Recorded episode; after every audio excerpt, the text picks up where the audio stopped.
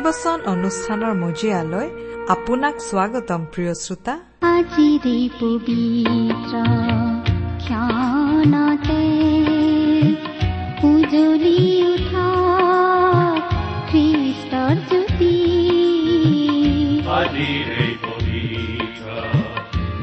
প্ৰিয় শ্ৰোতা ভক্তিবচন অনুষ্ঠানত আপোনাক পুনৰ লগ পাই আমি নথৈ আনন্দিত। আশা কৰোঁ এই অনুষ্ঠানত প্ৰচাৰ হোৱা বাক্যসমূহে আপোনাৰ ব্যক্তিগত জীৱনত অলপ হলেও সহায় কৰিছে। ঈশ্বৰ এগৰাকী সৰ্বশক্তিশালী ব্যক্তি। তেওঁ পৃথিৱী আকাশমণ্ডল আৰু সৌৰজগতৰ সকলোকে নিজৰ ইচ্ছাৰে আৰু পৰাক্ৰমেৰে শৃংখলাবদ্ধভাৱে স্থিৰ কৰি থৈছে। তেওঁ প্ৰতিটো বিষয়কে একো একোটা নিয়মৰ অৰ্থাৎ নিজ নিজ সীমাৰ অন্তৰ্ভুক্ত কৰি ৰাখিছে। সেইকাৰণে সকলোবোৰ সুন্দৰকৈ চলি আছে। সেইবোৰৰ এটা বিষয়েও যদি নিজ নিয়মক চেৰাই যাবলৈ ধৰে তেন্তে সকলোবোৰ খেলি মেলি অৰ্থাৎ ধ্বংস হ'ব। আমাৰ জীৱনবোৰো তেনেকুৱা। আপোনাৰ মোৰ জীৱনটোকো ঈশ্বৰে বৰ সুন্দৰকৈ শৃংখলাবদ্ধভাৱে মংগলৰ আঁচনিৰে সজাই ৰাখিছে। ঈশ্বৰৰ পৰাক্ৰমী সুৰক্ষাৰ তলত আপোনাৰ জীৱন সদায় সুৰক্ষিত। তেওঁত আশ্ৰয় ললে। আপুনি জীৱনত প্ৰকৃত আনন্দ বিচাৰি পাব। তেওঁৰ বাক্যই আপোনাক তেওঁৰ বিষয়ে আৰু অধিককৈ জানিবলৈ সহায় কৰাৰ আশাৰে এয়া আপোনালৈ আগবঢ়াইছো ভক্তি বচন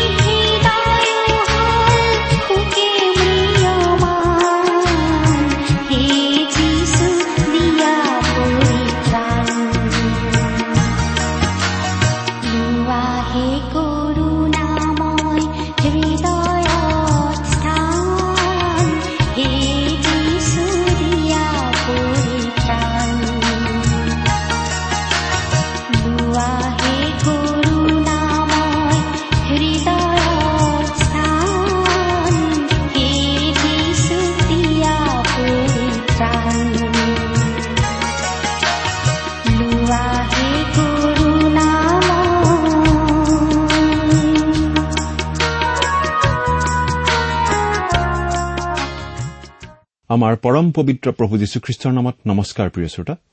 আশা কৰো মহান পিতা পৰমেশ্বৰৰ মহান অনুগ্ৰহত আপুনি ভালে কুশলে আছে। আপুনি বাৰু আমাৰ এই ভক্তিবচন অনুষ্ঠানটো নিয়মিতভাৱে শুনি আছেনে? শুনি কেনে পাইছে বাৰু?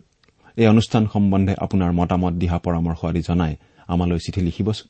আহকচোন বাইবেল অধ্যয়ন আৰম্ভ কৰাৰ আগতে আমি ছুটিকৈ প্ৰাৰ্থনা কৰো। স্বৰ্গত থকা অসীম দয়ালু কৰুণাময় পিতৃ ঈশ্বৰ তোমাৰ মহান নামৰ ধন্যবাদ কৰো। তোমাক ধন্যবাদ জনাওঁ কিয়নো তোমাৰ মহান বাক্য বাইবেল শাস্ত্ৰ অধ্যয়ন কৰিবলৈ তুমি আমাক আকৌ এটা সুযোগ দান কৰিছা। তোমাৰ বাক্যৰ নিগৃঢ় তত্ব তুমিয়েই আমাক বুজাই দিয়া। আমাৰ প্ৰয়োজন অনুসাৰে তুমি আমাক তোমাৰ মাত শুনিবলৈ দিয়া। আমাৰ প্ৰত্যেককে তুমি কথা কোৱা। মৰমৰ শ্ৰোতাসকলৰ জীৱনত তোমাৰ আশীৰ্বাদ উপচি পৰিবলৈ দিয়া।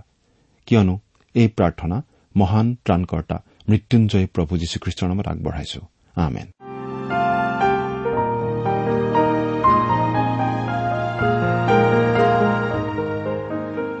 প্ৰিয় শ্ৰোতা আমি আজি ভালেমান দিন ধৰি বাইবেলৰ পুৰণি নিয়ম খণ্ডৰ যিচয়া ভাৱবাদীৰ পুস্তক নামৰ পুস্তকখন অধ্যয়ন কৰি আছো।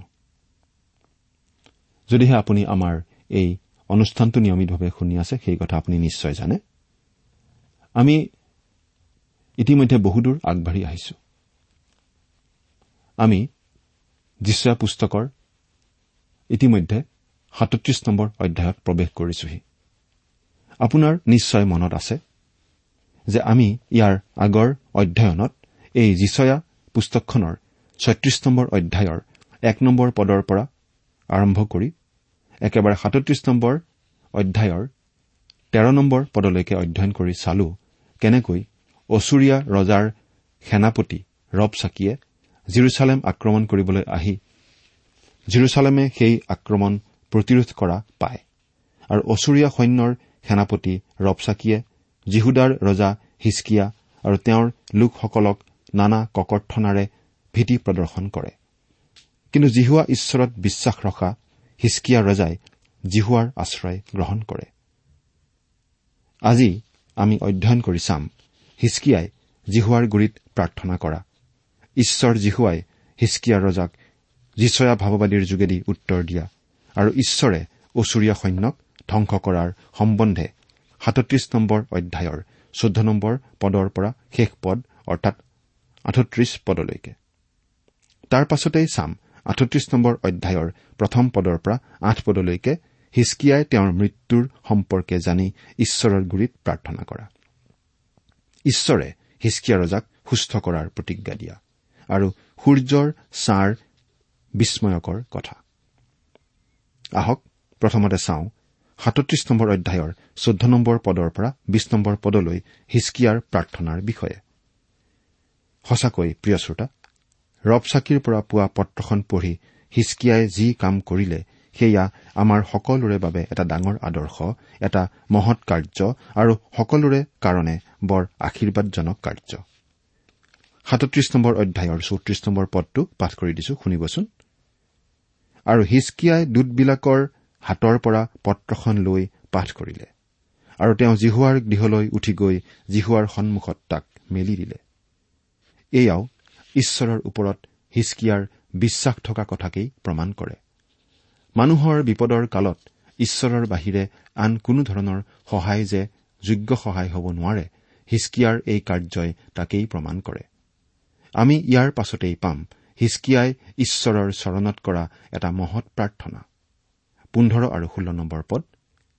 পাঠ কৰি দিম। আৰু হিচকিয়াই জিহুৱাৰ আগত প্ৰাৰ্থনা কৰি কলে হে কৰূপ দুটাৰ মাজত বসতি কৰা ইছৰাইলৰ ঈশ্বৰ বাহিনীবিলাকৰ জিহুৱা তুমি ঈশ্বৰ পৃথিৱীৰ সকলো ৰাজ্যৰ মাজত কেৱল তুমিয়েই ঈশ্বৰ তুমিয়েই আকাশমণ্ডল আৰু পৃথিৱী নিৰ্মাণ কৰিলা।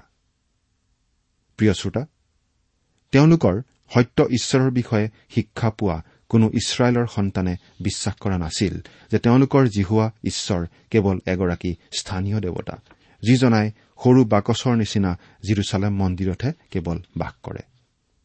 চলোমন ৰজাই প্ৰাৰ্থনা কৰি কৈছিল কিন্তু বাস্তৱিকতে ঈশ্বৰে পৃথিৱীত বাস কৰিবনে? চোৱা স্বৰ্গই আৰু স্বৰ্গৰো স্বৰ্গই তোমাক ধাৰণ কৰিব নোৱাৰে।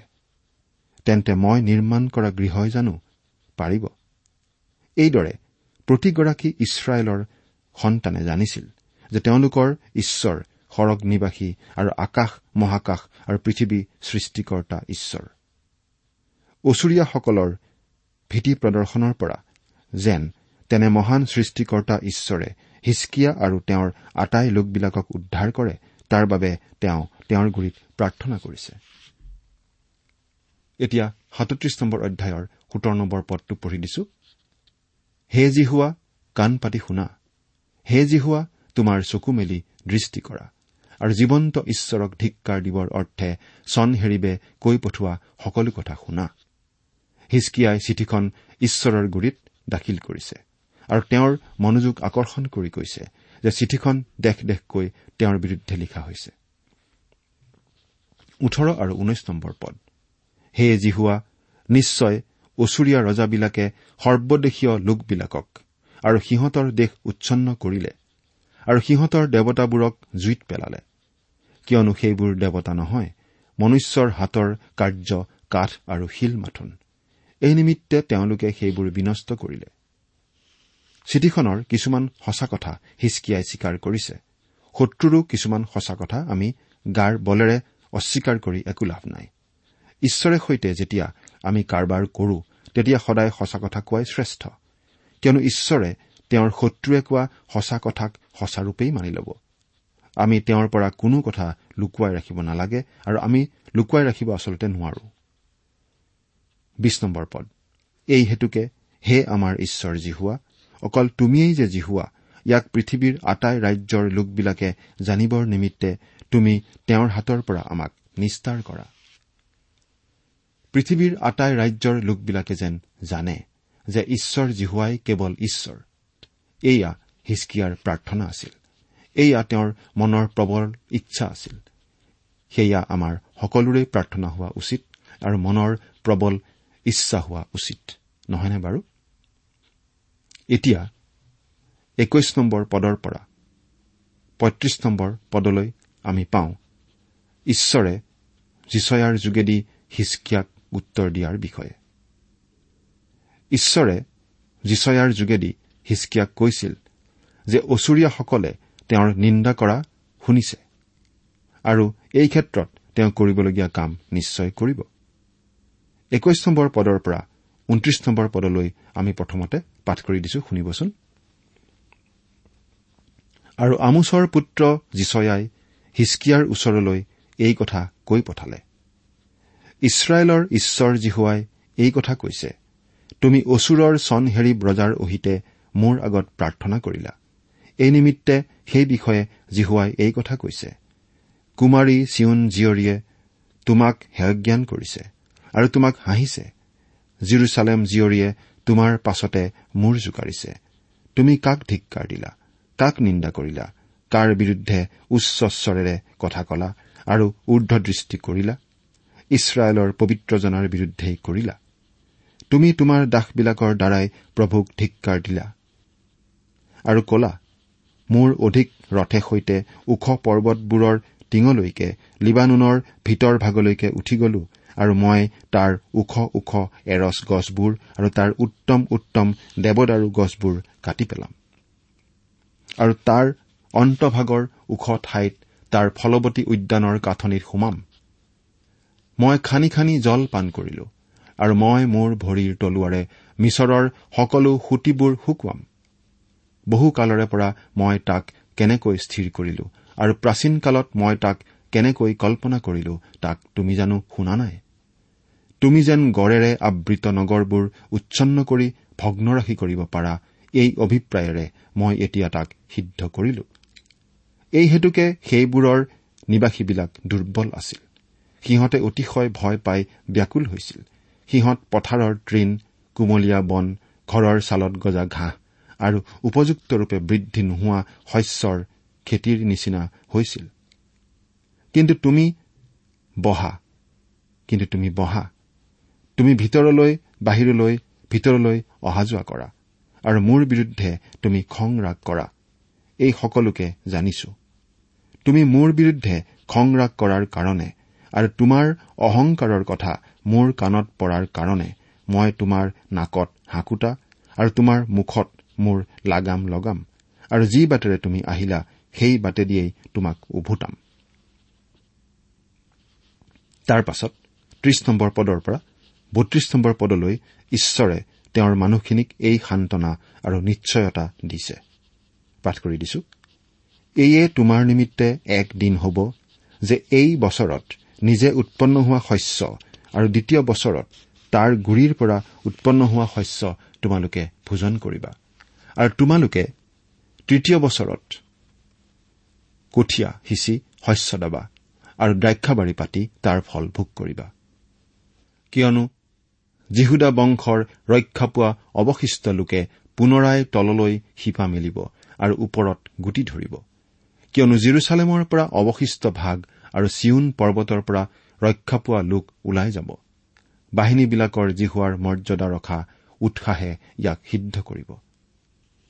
ইয়াৰ মূল ভাৱটো হৈছে যে জিহুদাৰ মানুহবিলাক তেওঁলোকৰ বাসভূমিত আৰু কিছুদিন থাকিব পাৰিব। তাৰ পাছত জীচয়াৰ ভাৱবাণীৰ সাহসিকতালৈ মন কৰকচোন। এই সাহসৰ উৎস কি বাৰু? এইদৰে সাহসেৰে জীচয়াই ক'ব পাৰিছিল কাৰণ এই ভাৱবাণী তেওঁ স্বয়ং ঈশ্বৰ জিহুৱাৰ পৰা পাইছিল। কি কৈছিল তেত্ৰিশ নম্বৰ পদটো শুনকচোন।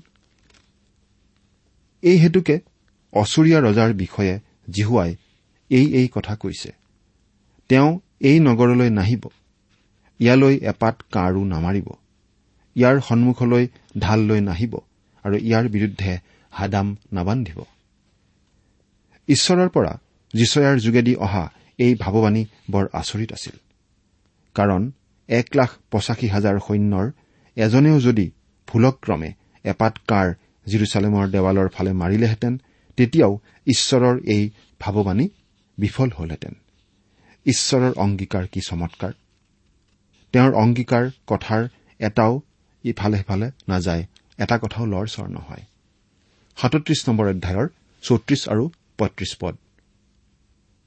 জিহুৱাই কৈছে তেওঁ যি বাটেদি আহিল সেই বাটেদিয়েই ওলটি যাব। এই নগৰলৈ নাহিব। কিয়নো এই নগৰ ৰক্ষা কৰিবলৈ মই নিজৰ আৰু মোৰ দাস ডায়ুদৰ কাৰণে তেওঁৰ ঢালৰ নিচিনা হ'ম। এইটো বৰ স্পষ্ট ভাৱবাণী আছিল আৰু এই ভাৱবাণীটো আখৰে আখৰে ফলিয়াইছিল ইয়াৰ দ্বাৰাই প্ৰমাণ হৈছিল যে জীচয়া সঁচাকৈ ঈশ্বৰৰ ভাৱবাদী আছিল।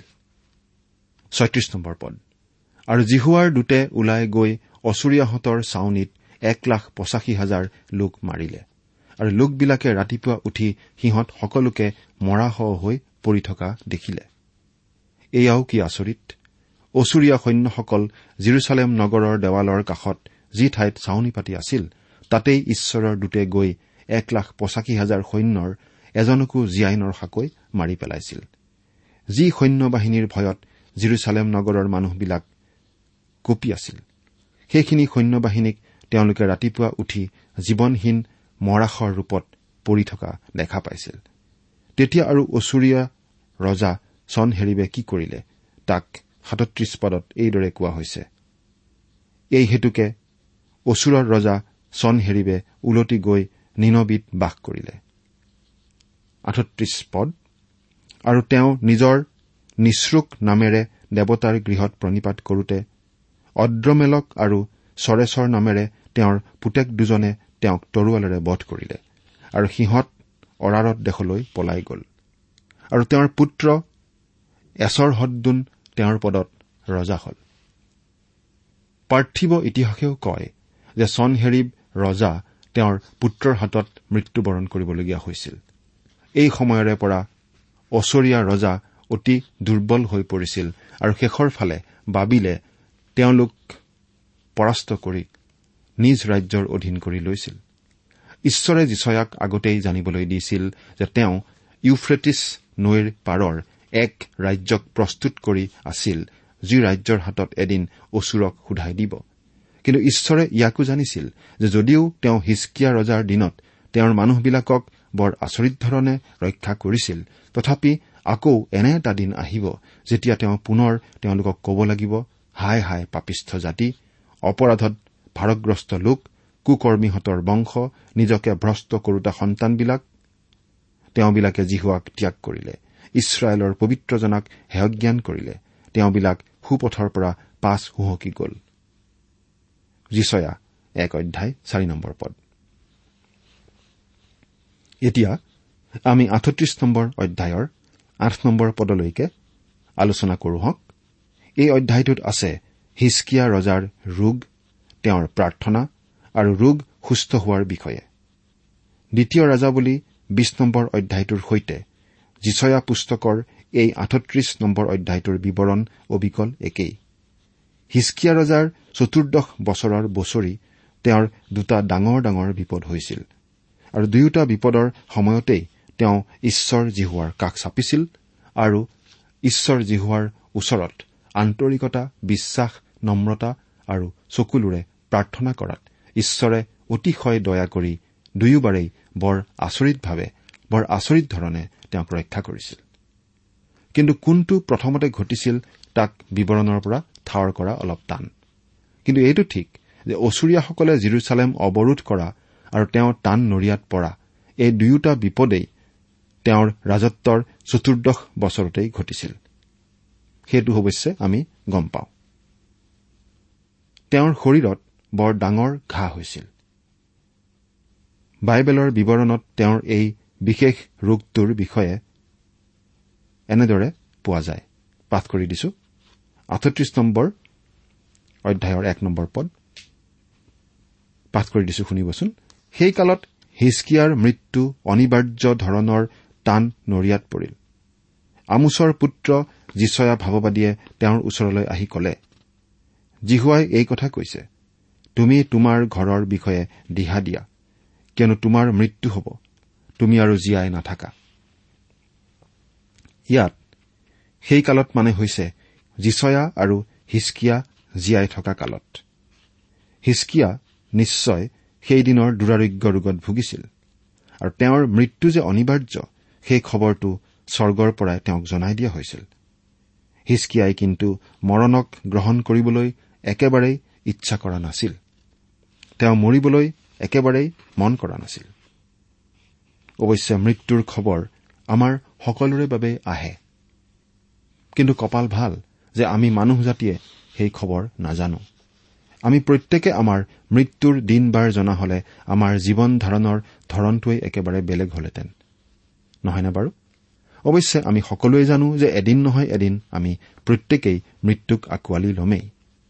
বাইবেলে তাকেই এনেদৰে কৈছে। আৰু কোনো এটা সময়ত মৃত্যুবৰণ কৰিবলৈ মানুহৰ বাবে মৃত্যু নিৰূপণ কৰি থোৱা আছে। ইব্ৰী ন নম্বৰ অধ্যায়ৰ সাতাইছ নম্বৰ পদ। হিচকিয়া যেতিয়া মৃত্যুৰ সৈতে মুখামুখি হৈছিল তেতিয়া তেওঁ কি কৰিছিল বাৰু? আঠত্ৰিশ নম্বৰ অধ্যায়ৰ দুই নম্বৰ পদটোৰ পৰা শুনিব। তেতিয়া হিচকিয়াই দেৱালৰ ফাললৈ মুখ ঘূৰাই জিহুৱাৰ আগত প্ৰাৰ্থনা কৰি কলে আমি ইয়াৰ আগতেও পাই আহিছো যে হিচকিয়াই চন হেৰিবৰ চিঠিখন পাই সেইখন প্ৰভুৰ গুৰিত দাখিল কৰি প্ৰাৰ্থনা কৰিছিল। এইবাৰো তেওঁ তেওঁৰ টান নৰিয়াটোৰ বাবে প্ৰভুৰ গুৰিত প্ৰাৰ্থনা কৰিছিল। কেনেকুৱা প্ৰাৰ্থনা কৰিছিল তাক তিনি নম্বৰ পদত চাওক। পদটো পাঠ কৰি দিছো শুনিব। হে জিহুৱা বিনয় কৰো। মই সত্যভাৱে আৰু শুদ্ধ মনেৰে তোমাৰ সাক্ষাতে কেনেকৈ চলি আছো আৰু তোমাৰ দৃষ্টিত কেনে সদাচৰণ কৰি আহিছো তাক তুমি এতিয়া সোঁৱৰণ কৰা। এইবুলি হিচকিয়াই বৰকৈ কান্দিলে। এনেকুৱা সময়ত মানুহে কান্দিবই। এই বিষয়ে এজন বিখ্যাত বাইবেল পণ্ডিতে তেওঁৰ জীৱনৰ অভিজ্ঞতা বৰ্ণাই কৈছিল যে এসময়ত তেওঁ দুৰাৰোগ্য কেঞ্চাৰ ৰোগত ভুগিছিল।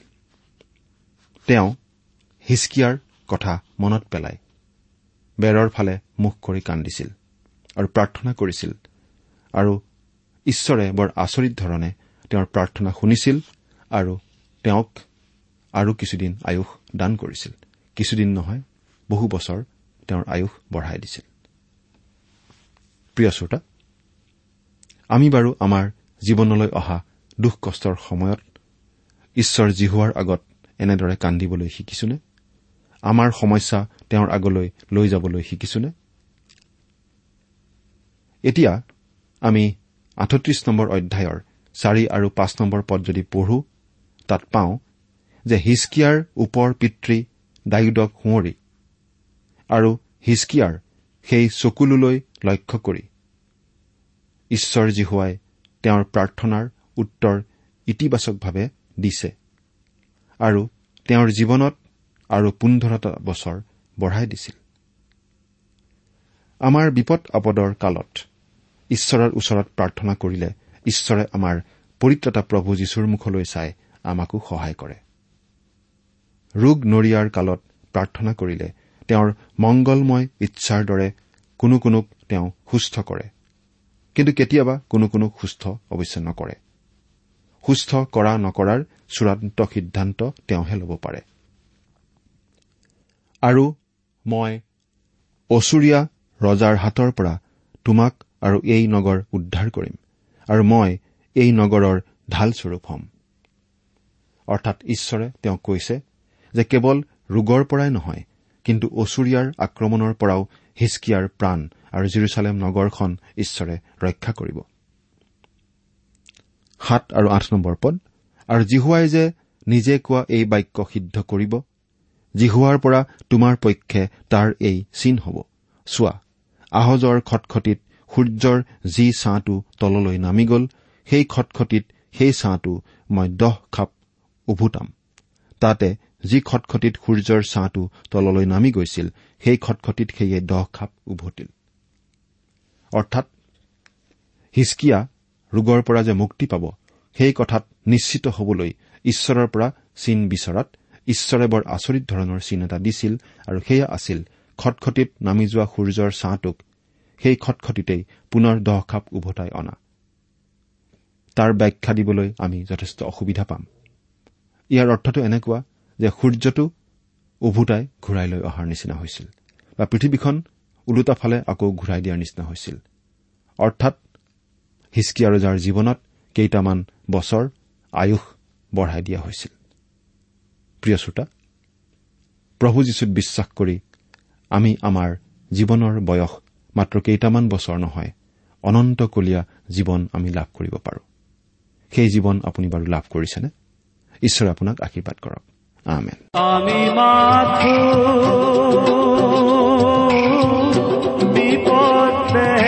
প্ৰিয় শ্ৰোতা ইমান পৰে আপুনি বাইবেল শাস্ত্ৰৰ পৰা ঈশ্বৰৰ বাক্য শুনিলে। এই বিষয়ে আপোনাৰ মতামত জানিবলৈ পালে আমি নথৈ আনন্দিত হ'ম। আমি প্ৰস্তুত কৰা বাইবেল অধ্যয়নৰ চিডিসমূহ পাব বিচাৰিলে আৰু অনুষ্ঠানত প্ৰচাৰ কৰা কোনো কথা বুজিব লগা থাকিলেও আমালৈ লিখক।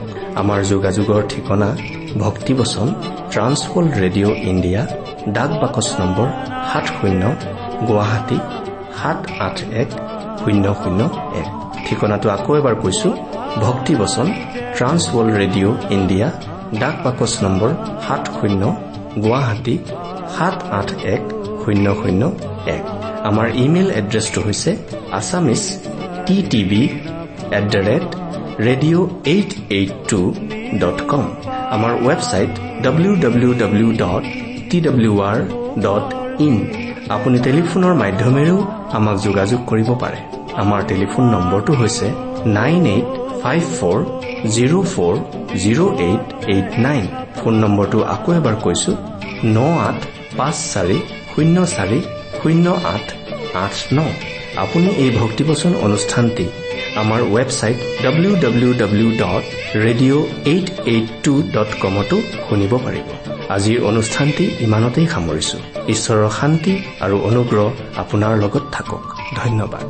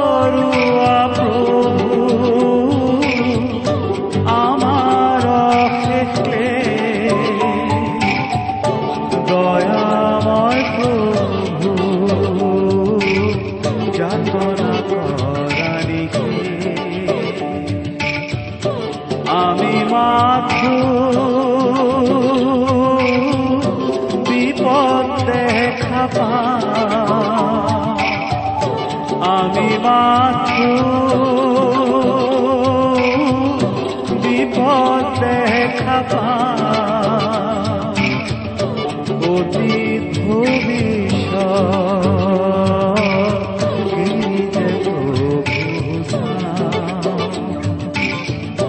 বথা নাই যে ভঙা আমার। বথা নাই যে ভঙা